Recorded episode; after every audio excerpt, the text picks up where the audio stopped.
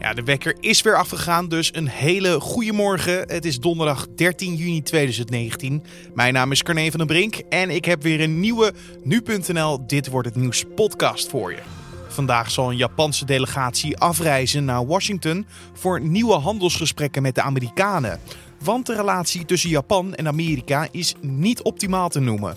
Er wordt zelfs gesproken over een opkomende handelsoorlog tussen beide landen. En dat het wellicht ook kan zijn dat Trump eerst wil kijken hoe het huidige conflict zich met China ontwikkelt. Om mogelijk wellicht ook Japan en wellicht ook Europa erbij te betrekken. Om de druk op China verder op te kunnen voeren. We gaan hier straks over praten met Björn Giesbergen, econoom en landenanalist Global Economics and Markets bij de Rabobank. Maar eerst kijken we naar het belangrijkste nieuws van nu.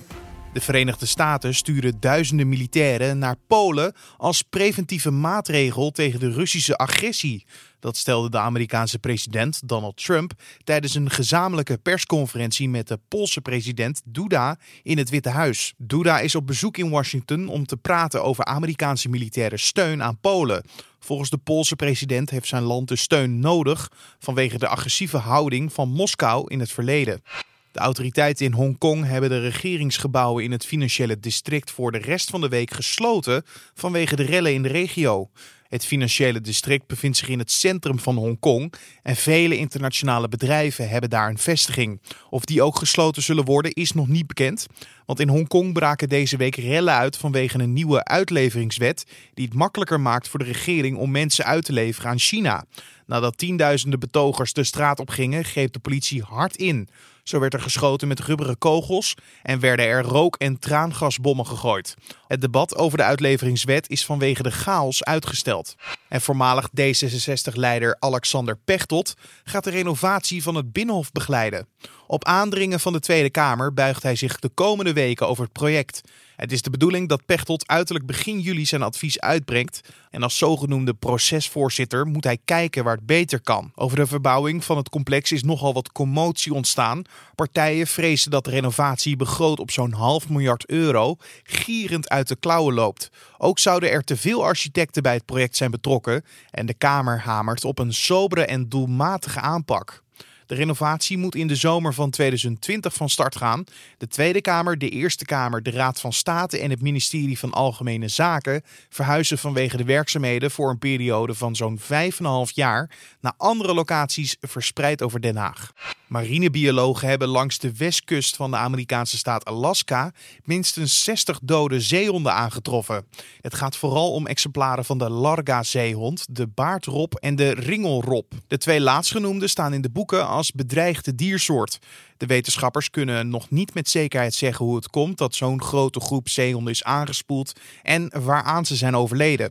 Wel hebben biologen vastgesteld dat de watertemperatuur in de noordelijke IJszee, waar zeehonden veelvuldig voorkomen, veel hoger is dan normaal. Door de hogere temperaturen zijn er minder ijsplateaus voor de zeehonden om op te rusten en te eten. Vanwege het ongewone hoge sterftecijfer onder de zeehonden wordt er een grootschalig onderzoek ingesteld naar de doodsoorzaak. De hoogste rechtbank in Ecuador heeft zijn goedkeuring gegeven aan het huwelijk tussen twee mensen van hetzelfde geslacht. Ecuador is na Argentinië, Brazilië en Colombia het vierde Latijns-Amerikaanse land dat het homohuwelijk toestaat. In het overwegend katholieke conservatieve werelddeel is nog altijd veel weerstand tegen homoseksualiteit. De hoogste rechtbank van Ecuador keurde het homohuwelijk nipt goed. De beslissing van de negen rechters was met vijf stemmen tegen vier op het nippertje in het voordeel van het homohuwelijk. En door de beslissing van de rechtbank moet de regering van Ecuador het recht van homoseksuelen om te trouwen in de wet opnemen. In de huidige grondwet van Ecuador wordt namelijk het huwelijk beschreven als een verbintenis tussen een man en een vrouw, maar dat wordt nu dus aangepast. En dan kijken we naar het gesprek van deze podcast, oftewel dit wordt het nieuws. Voordat Donald Trump de president van Amerika werd, was hij bekend als een dealmaker. Hij was een succesvolle zakenman, maar als president heeft hij tot nu toe minder succes. Amerika is namelijk in een handelsoorlog met China. De spanningen met Europa lopen op. En ook met Japan is er een moeilijke verstandshouding. Volgens sommigen zou er zelfs ook met Japan een handelsoorlog broeien. Vandaag zal een Japanse delegatie afreizen naar Washington voor nieuwe handelsgesprekken. Wat er precies aan de hand is tussen beide landen en wat er vandaag zal worden besproken, dat kan Björn Giesbergen, econoom en landenanalist Global Economics and Markets bij de Rabobank ons vertellen. Er is een soort handelsconflict gaande tussen die twee landen. En uh, er vinden momenteel onderhandelingen plaats op het gebied van auto's en, uh, en auto-onderdelen, motorvoertuigen, uh, landbouw, de dienstensector.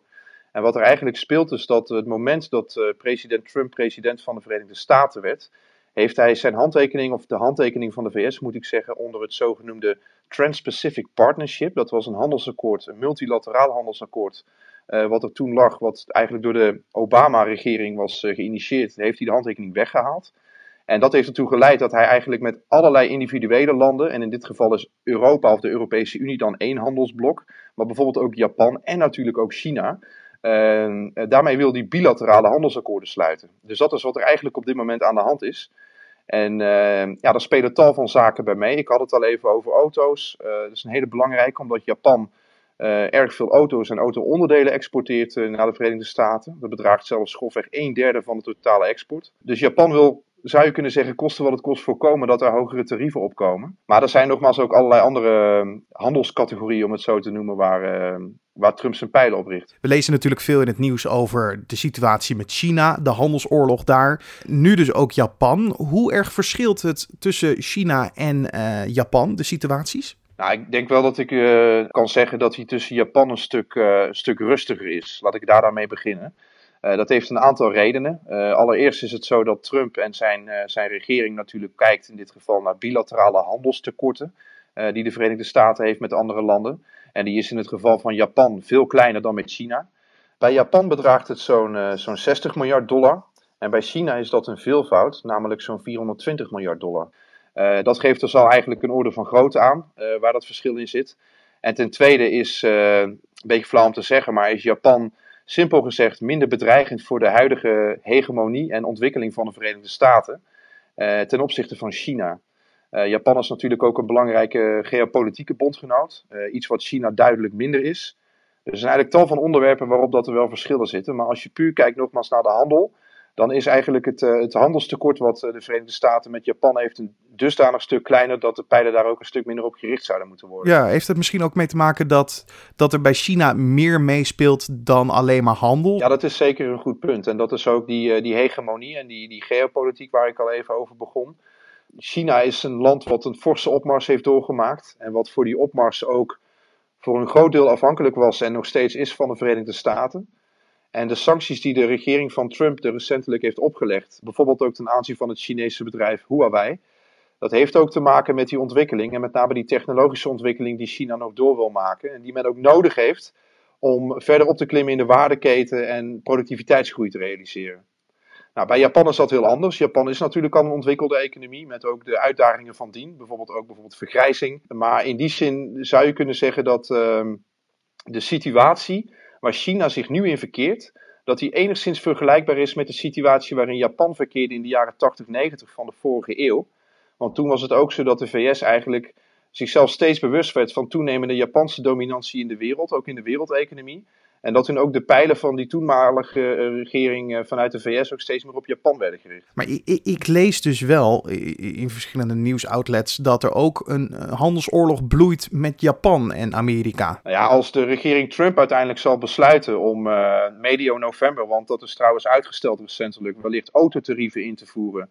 Uh, tegen nogmaals uh, Japanse auto-exporten richting de Verenigde Staten, dan is dat wel een signaal dat er een handelsoorlog broeit afhankelijk van andere categorieën en allerlei andere barrières die worden ingesteld, kun je feitelijk wel spreken van een handelsoorlog. Zeker uh, als Japan eventueel tegenmaatregelen zal nemen. Nou, wat wel interessant is, is dat afgelopen jaar, in 2018, voerde de regering Trump in het eerste kwartaal uh, tarieven in op staal en aluminium. Zowel voor Europa als voor China als voor Japan bijvoorbeeld. Uh, en ook een aantal andere landen, een aantal Noord-Amerikaanse landen nog. Japan heeft daar geen tegenmaatregelen tegen ingesteld. Dus dat gaf toen ook al een beetje aan dat Japan iets minder hard in de wedstrijd wilde gaan zitten. Of dat het natuurlijk kan betekenen dat Japan hoopt dat de extra tarieven niet gaan komen.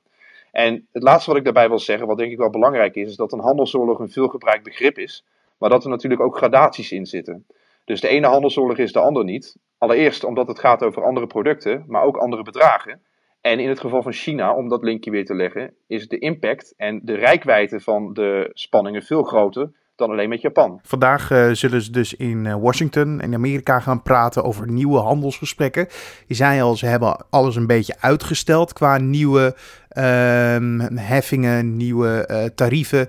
Um, waar gaat dit naartoe? Gaan ze verder hard to get spelen of komt er opeens een soort van ja, verademing in deze hele situatie? Ja, dat is een hele interessante vraag. Aan de ene kant uh, denk ik dat we een aantal dingen moeten onderscheiden. nogmaals, de mogelijke instelling van autotarieven of tarieven ten opzichte van Japanse auto- en auto-onderdelen exporten.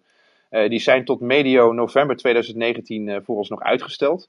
Dus daar moeten we echt goed naar kijken. Daarnaast is het zo dat Trump tijdens de recentelijke top van vier dagen heeft aangegeven dat onderhandelingen verder zullen gaan na de verkiezingen die in het Japanse Hogerhuis plaatsvinden in uh, juli van dit jaar. Dus afhankelijk van die onderhandelingen kan er meer duidelijkheid komen wat, uh, wat de mogelijke maatregelen zullen zijn. Wat ik daarbij ook nog wel belangrijk vind om te benoemen, is ook dat Japan natuurlijk een belangrijke bondgenoot is van de Verenigde Staten. En dat het wellicht ook kan zijn dat Trump eerst wil kijken hoe het huidige conflict zich met China ontwikkelt. Om mogelijk wellicht ook Japan en wellicht ook Europa erbij te betrekken. Om de druk op China verder op te kunnen voeren. En dat hij daarom wellicht ook de maatregelen die hij al had in kunnen stellen, vooralsnog heeft uitgesteld. En eh, je zei het inderdaad, hij is recent nog vier dagen in Japan geweest voor een staatsbezoek. Is daar verder nog iets uitgekomen? Nou, er is heel weinig nieuws over bekendgemaakt. Uh, er is bekendgemaakt dat ze naar een partijtje sumo-worstelen zijn wezen kijken, dat ze gegolfd hebben. En wat ook interessant was, is dat men een uh, Amerikaans rundvlees heeft gegeten, een cheeseburger. En dat is juist een van de producten waar Trump meer mogelijkheid en toegang toe wil tot de Japanse markt. Dus dat is op zich wel een signaal aan eh, een teken aan de wand. Maar er zijn gewoon van twee kanten is er gewoon gezegd dat er over tal van onderwerpen is gesproken, vooral op het gebied van landbouw en diensten. Uh, de Verenigde Staten zou ook graag willen praten over mogelijke valutapolitiek uh, door Japan. Uh, alleen daar is, uh, daar is Japan niet zo happig op. Dus er zijn wel degelijk uh, onderwerpen waar we het net al over hadden besproken. Maar er is nog niet heel veel uitsluitsel op of dat er echt een flinke deal in het vooruitzicht is en hoe dat hij er al uit zal zien. Je hoorde Björn Giesbergen, econoom en landenanalist Global Economics and Markets bij de Rabobank. En vandaag zullen de Britse conservatieve parlementsleden een eerste stemmingsronde houden om te bepalen wie de vertrekkende premier Theresa May zal opvolgen. Kandidaten die na vandaag minder dan 16 parlementariërs achter zich hebben, vallen af. Heeft iedereen meer dan 16 stemmen, dan valt diegene met het laatste aantal stemmen af. Uiteindelijk stemmen de partijleden op een van de twee overgebleven kandidaten, maar dat gebeurt op een later moment. En de oudste zoon van president Trump, Donald Trump Jr., verschijnt vandaag achter gesloten deuren voor de Senaatcommissie voor Veiligheidszaken. De senatoren willen van hem informatie over blijvende en tegenstrijdige aanwijzingen over Russische connectie in de entourage van Trump. Die hebben mogelijk een rol gespeeld in de overwinning van Trump bij de verkiezingen in 2016. En dan nog het weer. Vandaag wisselen zon en stapelwolken elkaar af. Vooral in het westen valt een enkele bui mogelijk met wat onweer. En het wordt vandaag tussen de 19 tot 21 graden. En om af te sluiten nog even dit.